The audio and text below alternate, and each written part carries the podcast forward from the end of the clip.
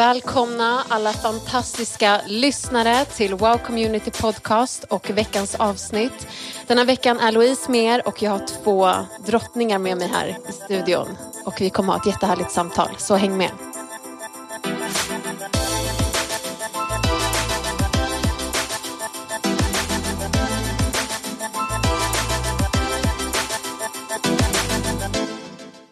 Ja, en ny podd, Yes. ny vecka. Välkomna. Haben Serit, Yes. så är rätt. Ja men typ. Ja. och Sara Yasu, Yes. välkomna. Tack, Tack. så mycket. Ni är verkligen drottningar. Tack. Ja. Du med. Samma. Tack. och det känns jättehärligt att ha med er den här veckan. Och ni ska få dela en del från era liv och vi ska ha ett jättebra samtal om ett väldigt viktigt ämne. Och vi påbörjar faktiskt ett nytt vad ska vi säga, koncept för podden den här veckan. Som vi kallar för Round the Table. För vi sitter runt ett bord här och eh, det här kommer vara något återkommande som kommer lite då och då. Och det kommer vara olika gäster och olika ämnen eller teman som vi pratar om. Och den här veckan så har vi valt att prata om självbild. Självbild. Och det här är ett så stort ämne. Eh, och viktigt. Så viktigt. Och jag vet inte vad ni säger, men ni ska få presentera er själva först här också. Men, men det är verkligen ett viktigt och stort ämne och någonting som många, många, många kämpar med. Ehm, så att det känns bra, tycker jag, att vi ska få prata om det här idag. Men innan vi går in på det, kan inte ni berätta kort vilka ni är? Yes. Jag heter Sara Yasso, som du sa, och eh, jag är 31 år gammal. Mm. det stannade vid 30 där. Ja, och eh, ja, jag har varit med i församlingen i tio år nu, det här året. Och ehm, ja, vad mer vill ni veta? Du är mamma Jag är mamma till Lea som är sex år gammal. och du är... Haben pekar på hennes finger här. Jag är soon to be Mrs Spets. Ja. Nyförlovad. Ja. Nyförlovad. Precis. Och snart ska du gifta dig. Ja, Ja. Jesus. Fantastiskt. Ja. Och vad jobbar du med? Jag jobbar som familjebehandlare eller familjeterapeut i Spånga-Tensta. Socialtjänsten där. Mm. Ja. Härligt. Och Haben? Haben heter jag. Eh, Jag är nyss fyllda 30 år faktiskt, sen eh, några veckor tillbaka. Ehm, Jag har också gått i församlingen i ganska många år. Jag kom hit 2010, men har väl gått eh, aktivt sen 2012 kan man säga. Ehm, Jag, ja vad ska man säga mer? Jag arbetar som Talent Acquisition Partner eh, på H&M. Vad innebär, det? det? Det innebär att jag, eh, ja, men jag jobbar med rekrytering kan man säga. Mm. Resursbehov, typ. Lite så. Mm. Så det är jag. Ja. Och ni båda är ju med som ledare också i vår församling. Och har det som vi kallar för wow-grupper. Går i wow-grupp och har egna wow-grupper. Så ni träffar ju, nu är det ju unga tjejer då, varje vecka egentligen. Ja. Ehm, så, ja, och sen är ju ni också nära vänner. Eller bästa vänner kanske man säger. Nära. Ja, ni känner ju varandra väldigt bra. Ja. När jag började i församlingen, så när jag började i den här tjejgruppen som jag började när jag kom så gick Haben i samma. Och eh, ja, vi fann varandra där. Det var kärlek vid första ögonkastet. Var det så? Ja, typ. Sen dess har vi varit vänner, så har vi följt varandra genom alla... Livets säsonger. Ja. Det är värdefullt Ja, att ha som så vän. Ja. Vad är det bästa med Haben och vad är det bästa med Sara? Haben är så klok. Hon är så otroligt klok. Alltså klokare än någon annan jag träffat faktiskt. Hon är otroligt Wow. klok. Ja. Amen. Och hon är fantastiskt lojal också. De två egenskaperna kännetecknar verkligen henne. Hon är fantastisk. En fin vän som finns med i alla säsonger. Ja. Ja. Ja, tack. Jag skriver in det i ditt CV. Ja, men exakt. Nej, men det bästa med Sara är ehm, att hon är dels extremt öppen men också så ärlig och så bjussig med allting hon känner. Mm. Eh, på, på gott och ont höll jag på att säga. Nej, men hon är väldigt, jag minns att eh, mitt första intryck av henne var just det att hon är så ärlig och säger exakt det som ligger eh, på hjärtat. Mm. Eh, sen är hon otroligt eh, rolig och lite så här galen. så det, det är jättekul. Vad roligt. Ja. Det är bra. Ni kompletterar varandra Ja, då? det gör vi verkligen. Ja. Det är verkligen dag och natt. Piff och puff. Vi är väldigt olika. Vi har vissa delar som eh, eh, ja, men så här gemensamma faktorer men utöver det är vi väldigt olika faktiskt. Ja. Men det har varit fint att se dig växa också, måste jag säga. Tillsammans. Ja, men precis. Alltså, man har ju vuxit upp tillsammans Ja. under de här åren. Så man har fått se hur, eh, trots att vi är olika, hur olika sidor växer fram och hur det blir så fint. Hur de bara blir bättre och bättre. Du blir bättre i det som är ditt. Ja, ja men verkligen. Och detsamma. Och jag tänker också så här, man har ju olika, ja, men olika vänner i olika säsonger. Men, men vad som kännetecknar vår relation väldigt mycket tror jag att vi har ju växt upp som vuxna. Alltså det är ju inte så många man kan säga det om, men vi har verkligen växt upp som, som vuxna människor har vi sett varandra växa. Vilket är jättekul. Precis. Med allt vad det innebär. Men det är jättekul. Jo, men det är härligt för att ofta så... Nu kommer vi på vänskap. Men ofta kan man tänka att man är jättenära någon som har varit ens barndomsvän. Och det är en person som man vet allt om en och sådär. Men det är ju fantastiskt att man kan hitta någon när man är lite äldre. Eh, och ändå komma varandra så nära. Så, Ja, men verkligen. en rikedom verkligen. Vi har tabbat oss tillsammans och, vi, har, och vi har jublat tillsammans. Så det- Vad bra att ni är här tillsammans. Ja. för Vi sa det här innan, att ni vet ju varandras story också. Så ni kan fylla i om den andra glömmer någonting viktigt. Eh, och vi ska ju prata om självbild idag. Och självbild handlar ju om hur vi ser på oss själva. Vilken bild vi har av dem vi är. Vår identitet, vår självkänsla, eh, vad vi känner kring oss själva. När vi ser oss i spegeln, vad tänker vi, vad känner vi? Eh, inte bara vårt utseende, vår personlighet, de vi är. Liksom. Eh, och jag tänkte på det att det står i Efesierbrevet 2.10 att vi är Guds mästerverk. Alltså Gud har skapat oss till mästerverk. Och då är inte det några människor utan det är alla, alla, alla människor som han har skapat. Liksom. Och då när man, när man hör det å ena sidan så är det också så sorgligt då att tänka på att vi inte ser oss själva som hans mästerverk många gånger. Utan tvärtom, att vi kan just om oss själva, att vi kan tänka så illa om oss själva, behandla oss själva illa eh, och allt det här. Och självklart beror det på olika saker. Eh, och jag vet inte hur det var för er, men jag minns när jag var liten och växte upp och man började i skolan och alla är inte snälla i skolan, eller hur? Nej. eh, men jag kommer ihåg hur, hur jag såg på det här och hur man såg på, och då var det mer, man pratade mer om självförtroende, kommer jag ihåg. Och man tänkte, wow, hon har bra självförtroende. Wow, han har ett bra självförtroende. Och då, var, då tänkte man inte på de som var så trygga i sig själva och bara var sig själva, utan man tänkte på de som var mest högljudda, eh, de som liksom var kanske kaxigast, eh, tog mycket plats och man tänkte, wow, vilket bra självförtroende. Ja. Och så nu efterhand så fattar man ju att de var de mest osäkra i det där rummet. Och det blev någon form av att hävda sig själv eh, och liksom kompensera den dåliga självbilden, det trasiga man hade inom sig. Liksom. Ehm, jag vet inte, tänker det- ni också, var det så för er också? Absolut. Absolut. Ja. Eh, och jag tror att ibland kanske man också tänker, ja, jag har ett bra självförtroende i det här området, jag är kanske duktig eller här. Men egentligen kan man ju fortfarande en dålig självbild. Ehm, så att allting, vi pratade om det innan här också, allting utgår ju från vår självbild. Det kommer påverka våra handlingar, det kommer påverka hur vi pratar, det kommer påverka hur vi behandlar andra människor, hur vi är som vänner, hur vi är, är i relationer överlag, liksom, mot vår familj. Ehm, så det här är ju så viktigt liksom. Ehm, och ehm, ni, jag tänker, jag kan ju också ge inputs från min egen resa, men ni får jättegärna börja. Alltså berätta, hur har den här resan varit för er? För jag tror vi alla människor, det är inte bara kvinnor heller, det är verkligen män också. Ehm, liksom, det här är en resa i våra liv, att upptäcka vilka vi är i Gud. Eh, kan inte ni berätta hur det varit för er? Du får börja Haben. Mm, absolut. Jag tänkte bara på, medan du pratade, att ehm, ibland kan man ju tolka självbild så mycket ifrån eh, ja, men, hur saker och ting ser ut. Men det handlar väldigt lite om det utan snarare så här, hur vi ser på saker. Mm. För att självbild är ju i grunden hur vi uppfattar oss själva. Mm. Och en uppfattning är ju ett synsätt, alltså det är hur vi ser ja. på oss själva. Så det är väldigt lite om så här, hur vi ser ut men väldigt mycket om hur vi ser. Mm. Eh, alltså ja, kopplat till vår vision och allt sådär.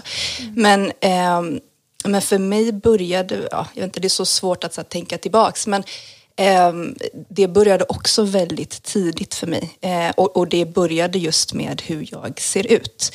Eh, mycket tror jag, eh, på grund av att det var så vanligt att jämföra sig med andra, med, med sitt umgänge och sådär. Jag var alltid lite av en så här pojkflicka när jag var liten. Mm. När jag var väldigt liten, inte... Ja. Mm. när man ser mig nu tror jag inte att man tänker att jag var det. Men eh, jag kallades Mr. Haben på, mm. på lekparken. jag var väldigt så här, ville umgås med alla killar och jag tror jag alltså, kanske kände igen mig lite mer. Jag vet inte riktigt varför. Eh, ingen aning varför. Sara är terapeut så hon får mm. grotta i min hjärna efter.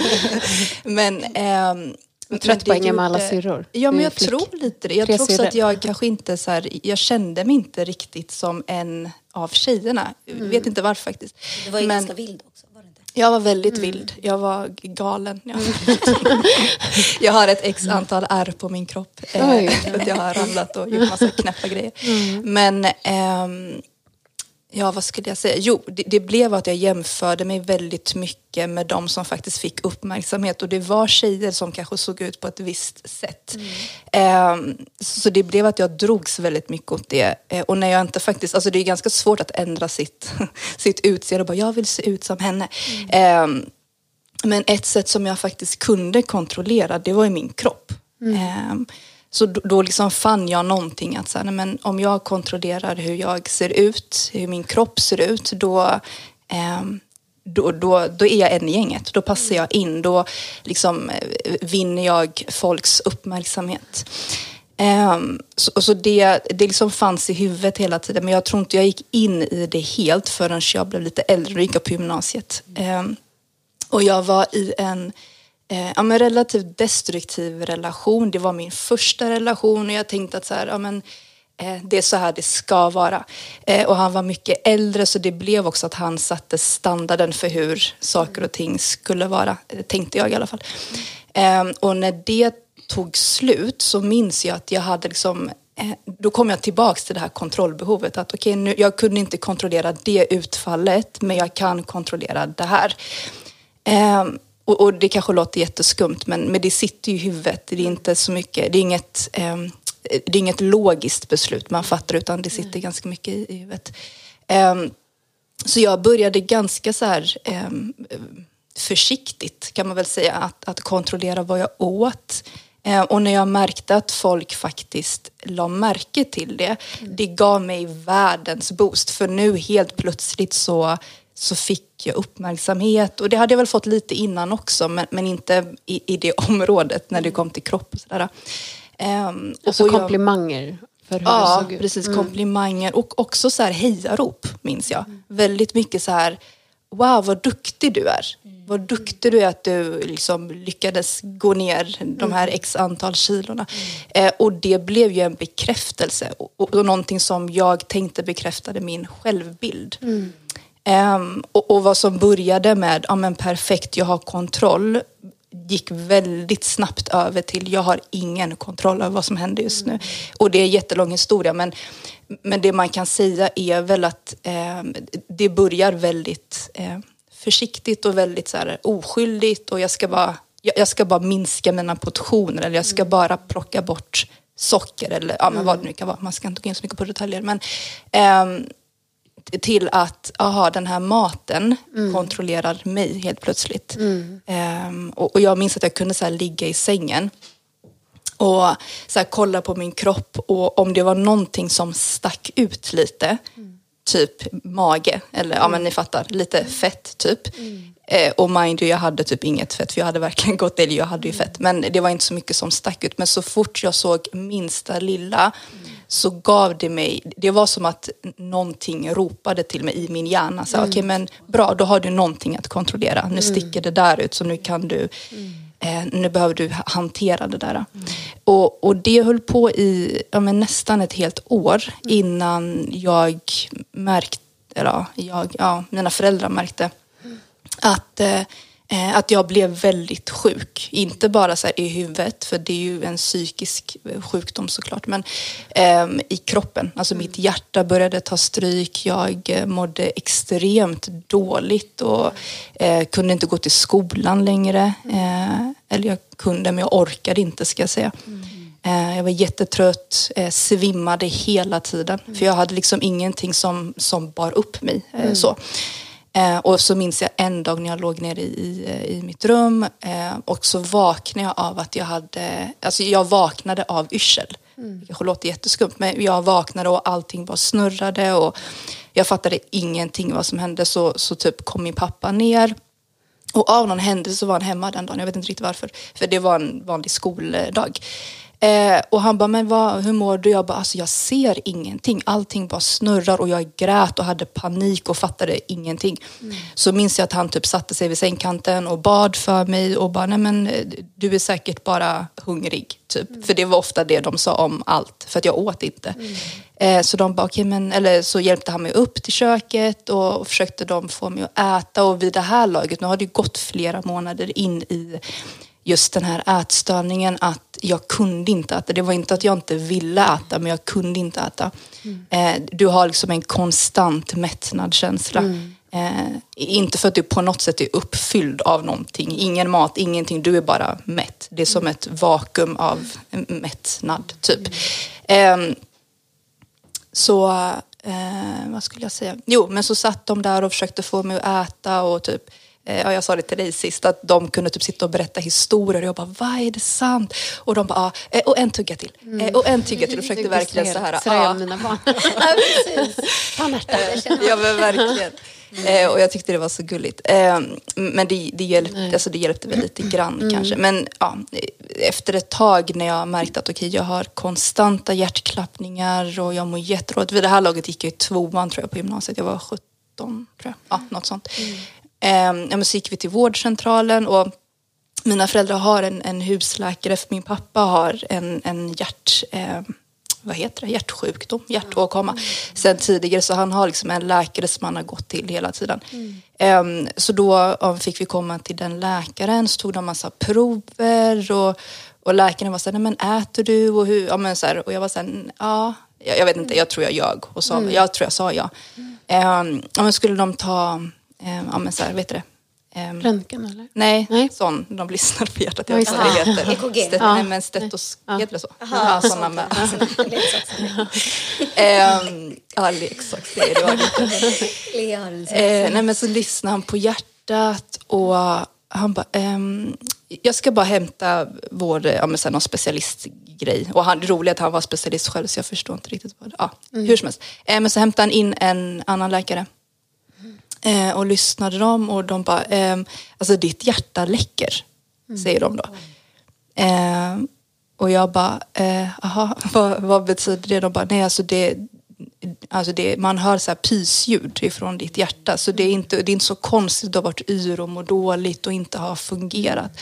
Och när läkaren, för pappa var så här, ja det är för att hon inte äter, typ avslöjade mig helt. Mm. Och när läkaren blev helt tokig, alltså han var så, så, så arg. Jag tror inte han hanterade det som man faktiskt ska hantera något sånt. Eh, men ja, lång historia kort, jag gick därifrån och mådde ännu sämre såklart. Eh, för, för nu var det inte bara skammen av att typ oj, jag, jag trodde jag kunde kontrollera det här. Mm. Men nu var det också en skam över att aha, jag har pajat min kropp. Mm. Så jag, jag trodde jag hjälpte min kropp, men nu har jag förstört den.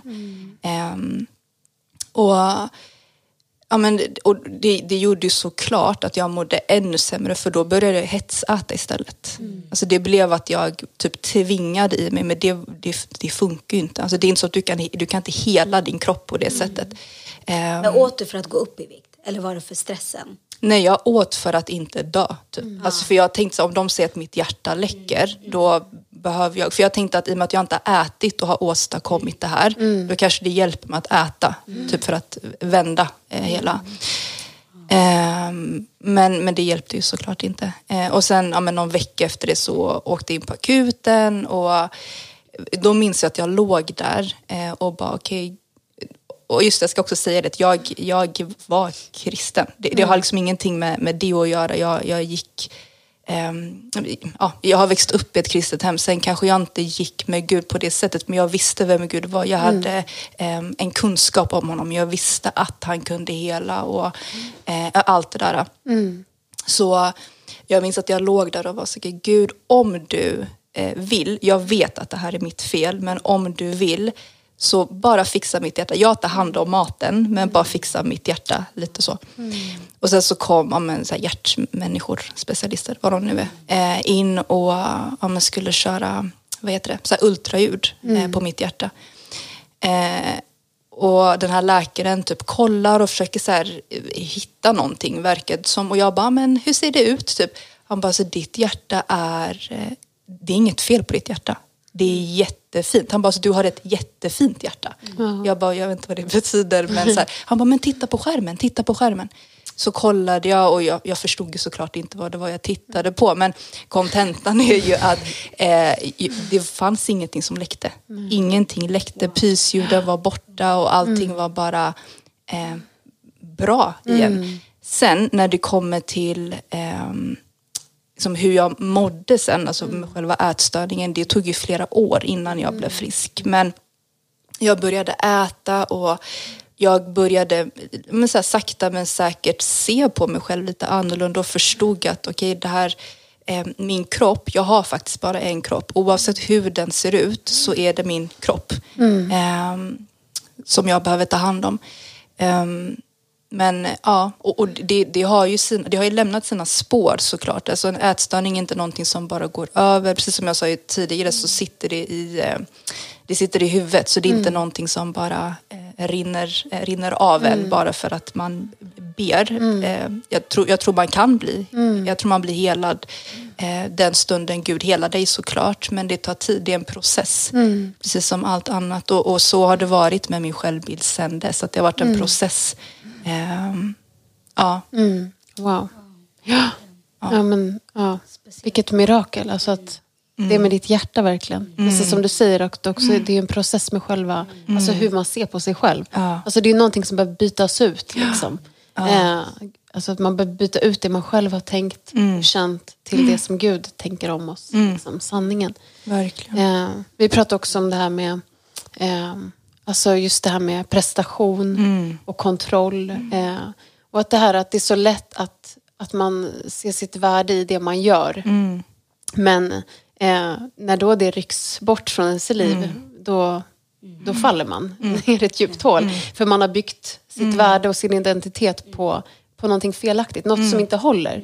Jag tänker även det här med relation. Alltså, Man bygger det på andra människor, man sätter sin identitet i olika saker. Eh, och inget av det är, alltså, allt är föränderligt. eh, så att, och, och där kan man verkligen falla. Kan inte du berätta om det också? För jag vet att, du, bara kort, men någonting du var med om där. Där Gud verkligen fick bryta ner och bygga upp. Liksom. Absolut. Eh, och, och det är precis som du säger, alltså hela, eh, eller för mig i alla fall, eh, när Gud har upprättat min självbild så har det aldrig någonsin varit så här från en dag till en annan. Jag, jag önskar ibland att det hade kunnat vara så, men det har alltid varit en process av att bryta ner eh, allt egentligen. Allt där jag har kopplat Eh, allt jag har kopplat min självbild till har han behövt bryta ner för att faktiskt resa upp någonting vackert. Alltså någonting som är bestående och någonting som, eh, ja, men som är värt att faktiskt hålla fast vid. Och ett av de områdena, det är som du sa, man kan, man kan prata om i stort sett allt, men, men ett av de områdena är just eh, när det kommer till arbete. Ehm, jag, eh, och där är jag och Sara väldigt lika, att vi är, en sak som faktiskt kopplar oss är att vi är extremt ambitiösa. Mm. Vi drar väldigt mycket från varandra och även, jag har aldrig varit rädd för att dra ifrån människor som jag tycker är bättre än mig själv. Jag, jag gillar det, det är så jag växer och det är så jag slipas. Mm. Men eh, när det går för långt så kan det bli att man kopplar hela sin identitet och sin självbild till just eh, till just den ambitionen. Och, mm. eh, jag har alltid varit en, en arbetsmyra, höll jag på att säga. Mm. Nej, men en, en som jobbar, mm. lite som vi pratade om i början, att självbild handlar om hur du uppfattar mm. dig själv. Men har du inte uppfattat vem Gud är, då kommer du aldrig kunna uppfatta dig själv på rätt sätt. Mm. Så det börjar alltid med att du får ett möte med eh, med Gud. Inte nödvändigtvis så här med de miraklerna mm. som han ger dig. Det är också fantastiskt. Men vem han är. Eh, vem han är och vem han är för dig. Mm. Eh, även om vi inte vill bli prövade. Vi brukar ju alltid säga det så här, Gud pröva mig i allt men inte ekonomi. Ja, men, men, jag kommer ihåg också att, eh, jag måste bara lägga in det, att uh.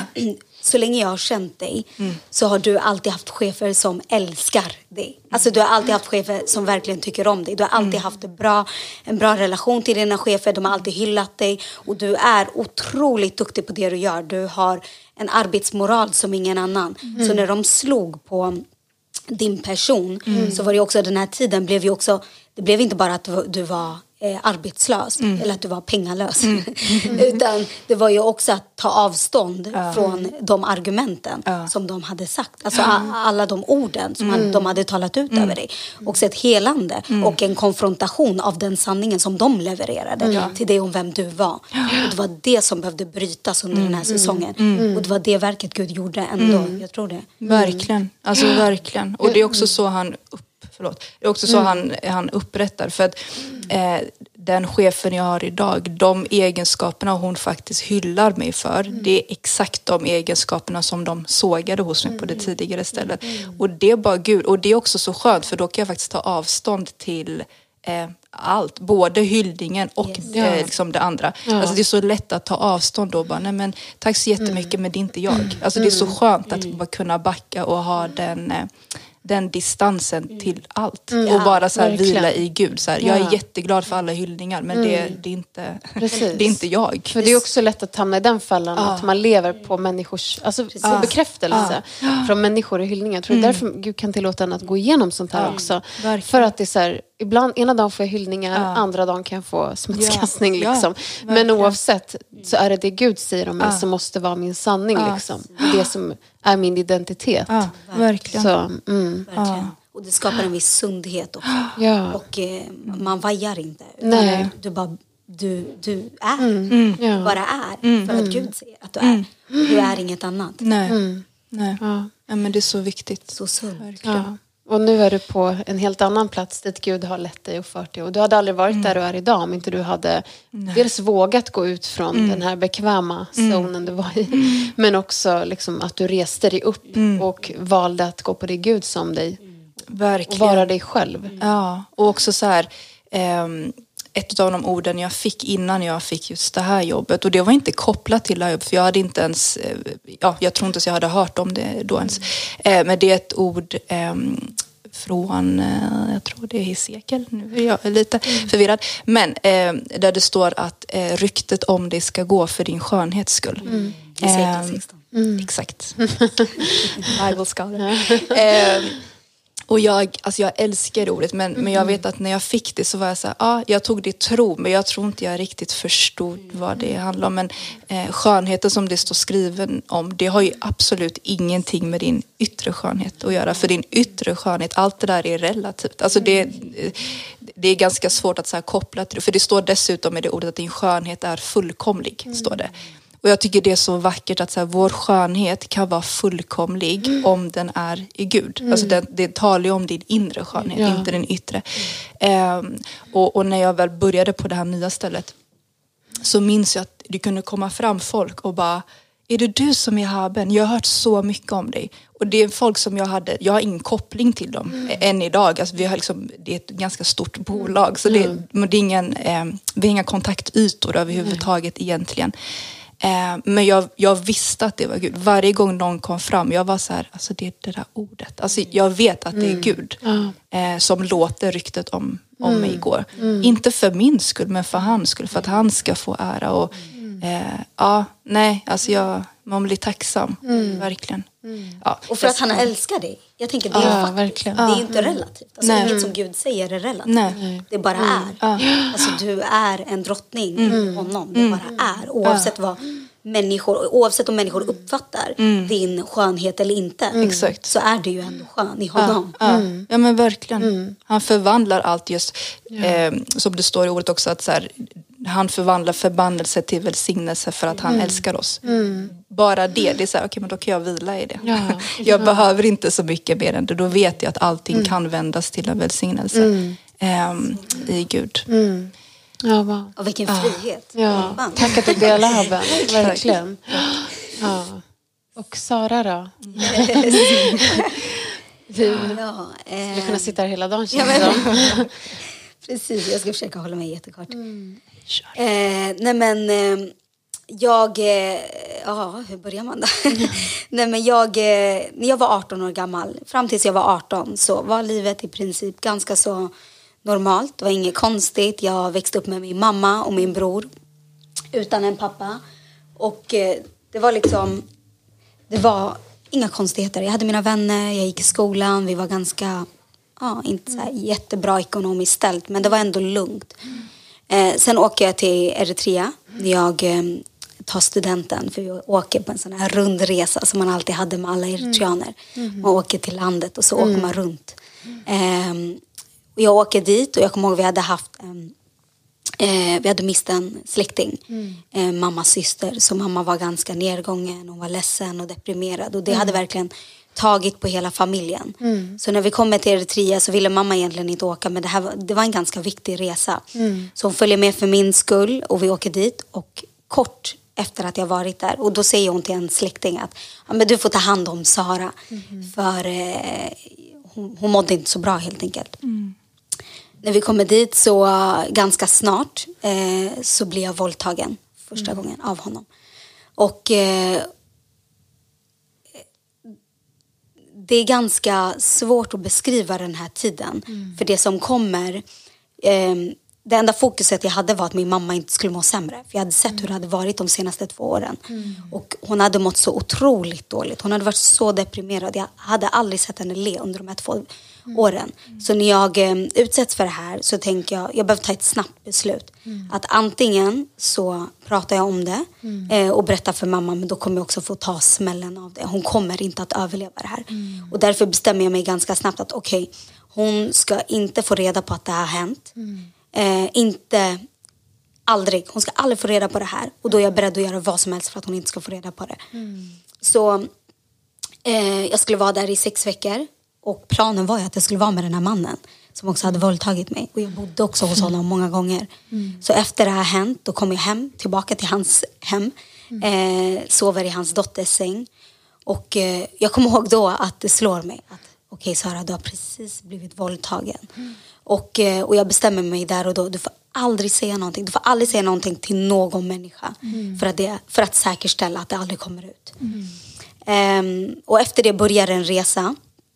Det finns många delar att ta upp här. Men, men eh, under hela resan som jag är där, alla veckorna framöver, så fortsätter det här. Och eftersom jag så hårt håller fast vid att det aldrig ska komma ut så är jag supernoggrann med att vara med honom.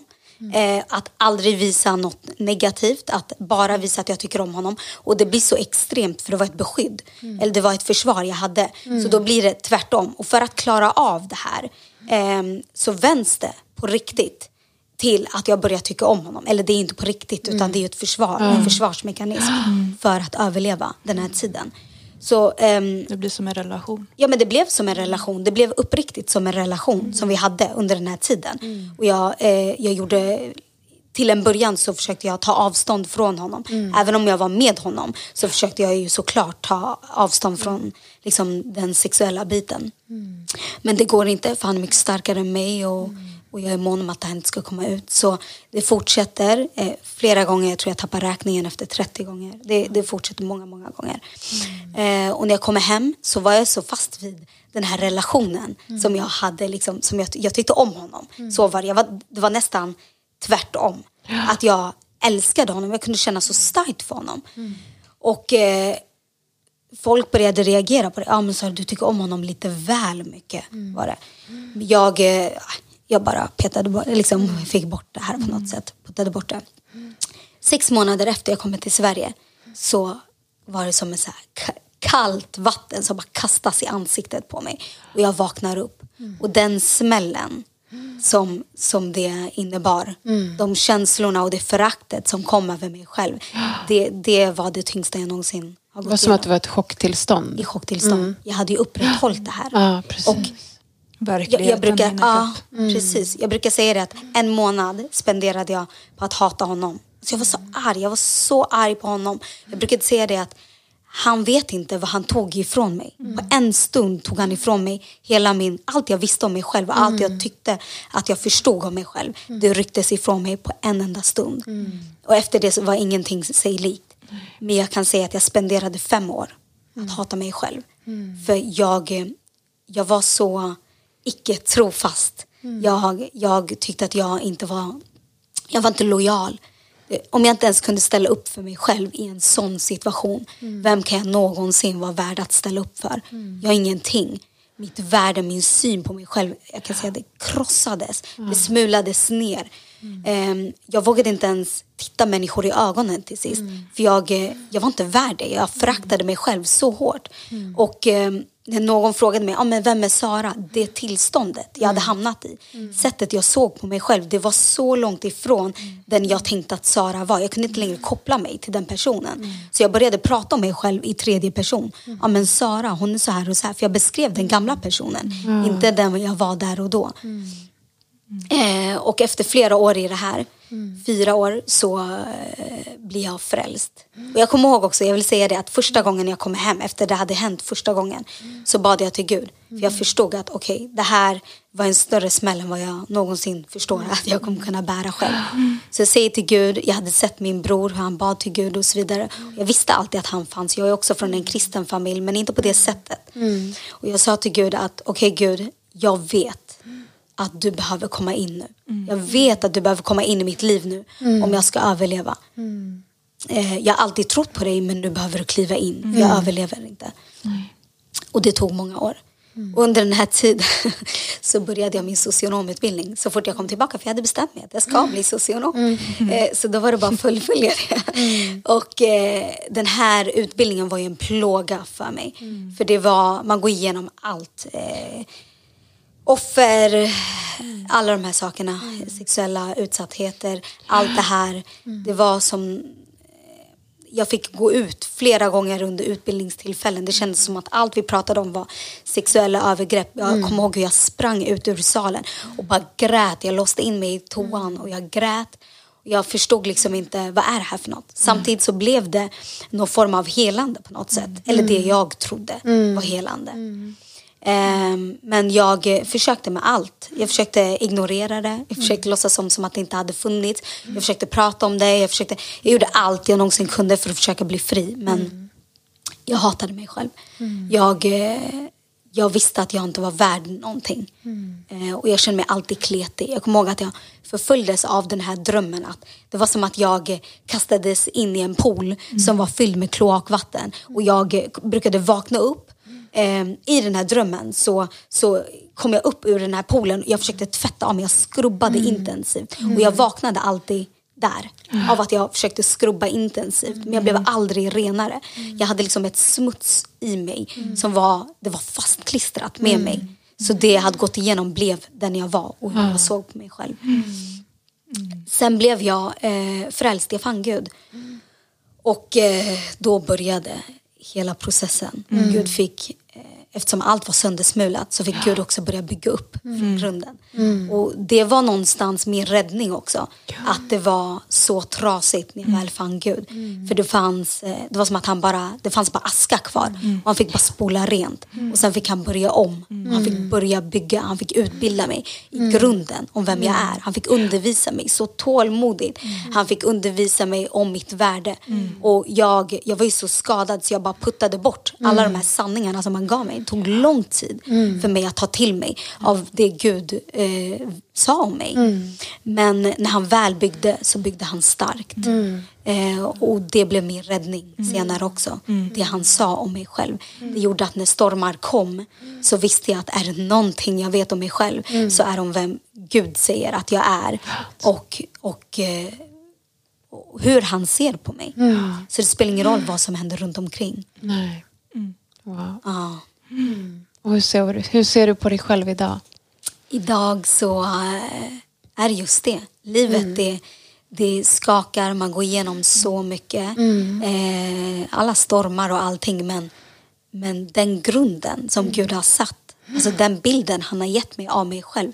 Det går inte. Jag tror inte jag förmår i egen kraft att flytta på den sanningen. Utan det är en fast sanning som ingenting kan påverka. Och jag brukar alltid säga det att jag är absolut inte självsäker i alla sammanhang. Men jag vet vem jag är. Och det är just på grund av att Gud fick bygga från grunden. Wow. Så fantastiskt. Ja, helt otroligt. Och ni bo, alltså, båda era historier, när man hör er, man, man kan inte förstå att det här har varit ni. Att ni har gått igenom det här. Eh, men också så då, alltså, wow vilket mirakel. Alltså att Gud verkligen kan upprätta och göra allting nytt. Till och med när det är aska eh, så kan han bygga upp någonting helt nytt. Och vackert. Och vackert, exakt. Och det som varit ens ärr, liksom, det behöver inte vara det som identifierar mig. Alltså att jag är inte mitt förflutna. Jag är inte det jag blivit utsatt för eller varit med om. Jag är inte det som andra har talat ut över mig. Utan jag är den Gud säger att jag är. Precis. Och det är ju en sanning man inte kan förstå. Precis som du säger, det är inget logiskt man kan fatta. Utan det är något man, jag tror man bara måste acceptera det i tro. Ta Det är- emot det. Ta emot det i tro liksom. Och Gud anstränger sig för att övertyga dig om det. ja. Gud ansträngde sig för att övertyga mig om den här sanningen. Som sen blev min sanning. Det är grunden för allt jag gör. Oavsett vad man går igenom. Så vet man att det här är grunden. Det går inte att förändra. Nej. Men han har jobbat hårt för att övertyga mig om det. Oh, wow. Så jag tänker på, jag bara kommer att tänka på det nu, så här, den förlorade sonen när han kommer tillbaka till sin far. Det första han säger är ju så här, förlåt mig, jag är inte värdig och allt det här. Men det är så häftigt för att eh, fadern svarar inte ens på det. Han säger bara, eh, ta ut den, och vad han nu säger, eh, gödda kalven och sätta en ring på hans finger. Alltså han svarar inte på traumat, han svarar inte på, på smutsen, han svarar liksom inte med det, på det vi. Han bara tar bort det och ger oss en ny kläd, klädnad. Eh, och det är, det är så Gud. Alltså det är verkligen Gud i ett nötskal. Och han bara, alltså jag, jag ser inte det där. Nej, verkligen. Jag, jag, jag ger det någonting nytt. Allt annat hamnar i periferin på något sätt. Ja, verkligen. Jag kommer ihåg när jag fick möta Jesus. Och jag, för mig var det verkligen alltså, människofruktan. Alltså, det, Bibeln säger att människofruktan är en snara. Och det är verkligen en snara. Alltså, det styr allt man gör. Eh, och liksom, allt handlade om vad människor tyckte och tänkte om mig. Alltså, det var verkligen något som styrde mig. Alltså, det var ett kontrollsystem inom mig. Liksom. Eh, vad jag kunde och inte kunde göra. Alltså, allt det här det var verkligen en begränsning i mitt liv. Men jag kommer ihåg när jag blev frälst och jag fick höra det här citatet. Och för mig var det så befriande. Eh, och det var det här att det finns ingenting du kan göra för att Gud ska älska dig mer. Och det finns ingenting du har gjort som gör att Gud älskar dig mindre. Och jag bara förstod att alltså, jag är accepterad av Gud. Liksom. Och sen ett annat citat att God doesn't love us equally, he loves us uniquely. Alltså unikt. Alltså. Gud har en unik kärlek för var och en av sina barn. Och det här är en kärlek vi måste ta emot.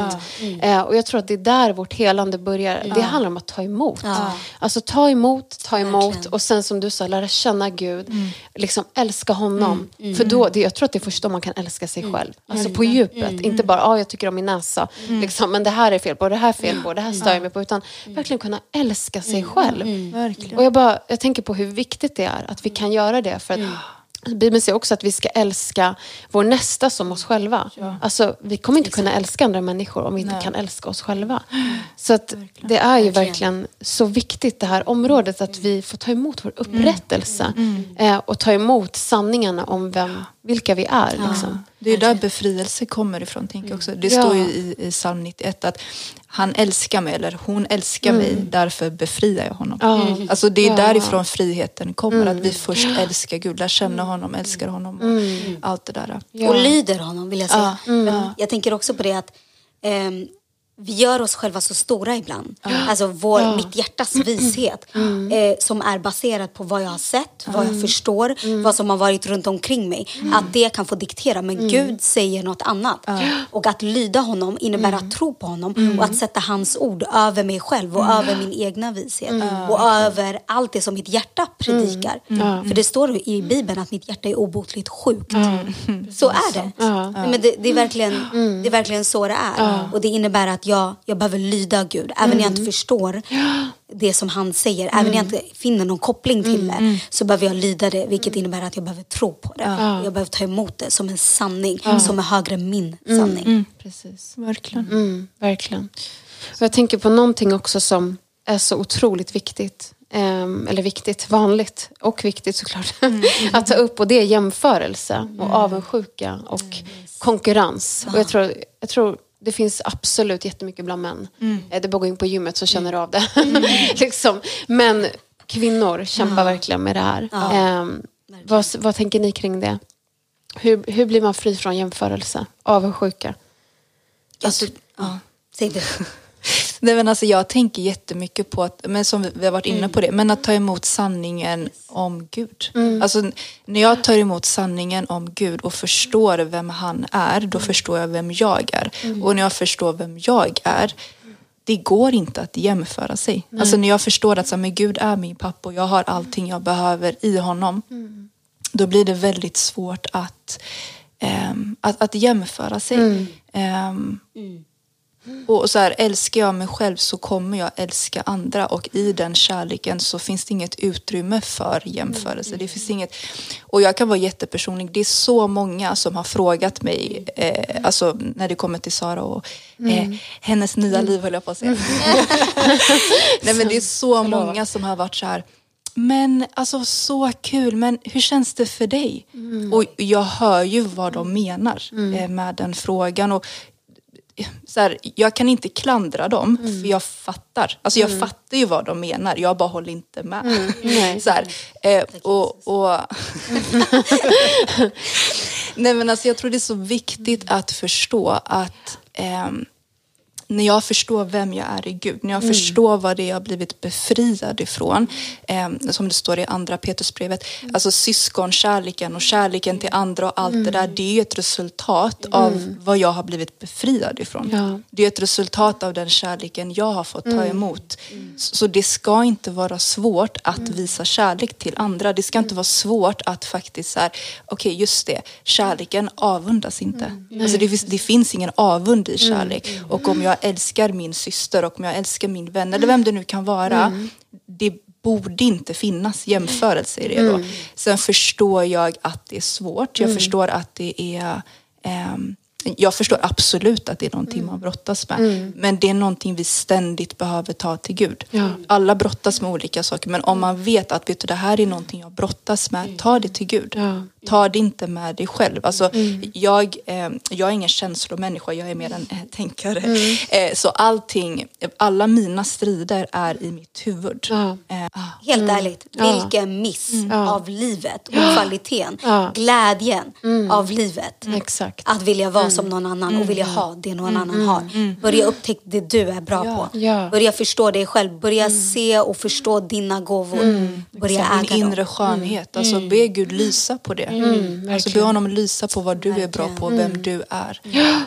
Och, och liksom i Bibeln också. Alltså det är när vi läser ordet och låter det smälta samman med oss också som vårt sinne, alltså våra tankar förnyas. Alltså att, liksom, vi behöver ta emot de här nya tankarna. Och vi ska börja gå mot avrundning. Men jag, jag har tänkt så mycket på, eh, man kan läsa om det eh, i Bibeln om när Jesus var i öknen, liksom hans prövning. Eh, och det, man kan läsa om hur fienden kommer emot honom och liksom frestar honom.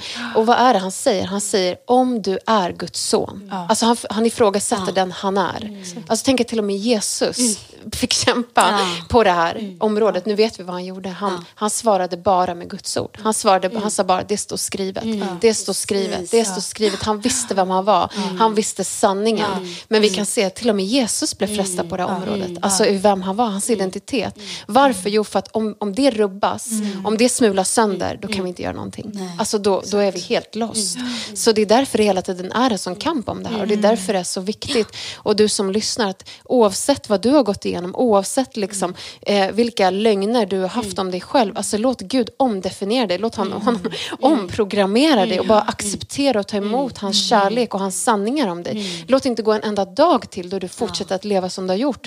Utan idag kan liksom bli din vändpunkt. Bara inbjud Jesus, bara säg Jesus kom, gör allting nytt. In och, inifrån och ut liksom. verkligen. Så, Det står i Bibeln också, jag ska bara säga det sista, Mm. att eh, det står att när Jesus bad så förvandlades hans ansikte. Mm. Står det. Så när vi ber, om vi brottas med det, om det är någon som brottas med det, så be till Gud. Gud förmår att förvandla oss. Mm. Ja. Han förmår, bara, bara vi koncentrerar oss på Mm. honom och att be till honom, att ropa till honom, så förändrar han och förvandlar det som inte finns. Ja. Yes. Det som är dåligt. Ja. Ja, så härligt. Tack att ni varit med. Vi skulle kunna vi har pratat över en timme, vi skulle kunna prata tre timmar till. Vi får ta ett annat tillfälle. Men, men tack att ni har varit med eh, och eh, varit med nu på Round the Table, första Yes. ämnet. Och eh, om ni som lyssnar har ytterligare frågor eller kommentarer eller vad det nu kan vara så skriv jättegärna till oss. Eh, för vi vill som sagt ha en dialog med er. Och nästa vecka så har vi faktiskt en speciell vecka för vi har en stor konferens i vår kyrka, Be Fruitful. Om du vill vara med, eh, anmäl dig. Det är en onlinekonferens och du kan gå in på wowchurch.com och läsa mer och anmäla dig. Det kommer bli helt fantastiskt. Eh, något annat också härligt som händer nästa vecka är att vi kommer faktiskt ha en livepodd. Jag tror att jag får släppa det. Vi kommer ha en livepodd, det kommer filmas så det kommer vara lite annorlunda. Eh, och det kommer vara lite Q&A och massa härligt och göttigt. Eh, så att, eh, ja, det är något att se fram emot. Så tack att ni har lyssnat, om ni har orkat lyssna på hela det här samtalet. Men det har varit viktigt och väldigt bra. Och tack att ni har delat era hjärtan. Tack att du fick komma. Ja, tack att ni har lyssnat. Ha en skön helg så hörs vi nästa vecka. Tack så mycket.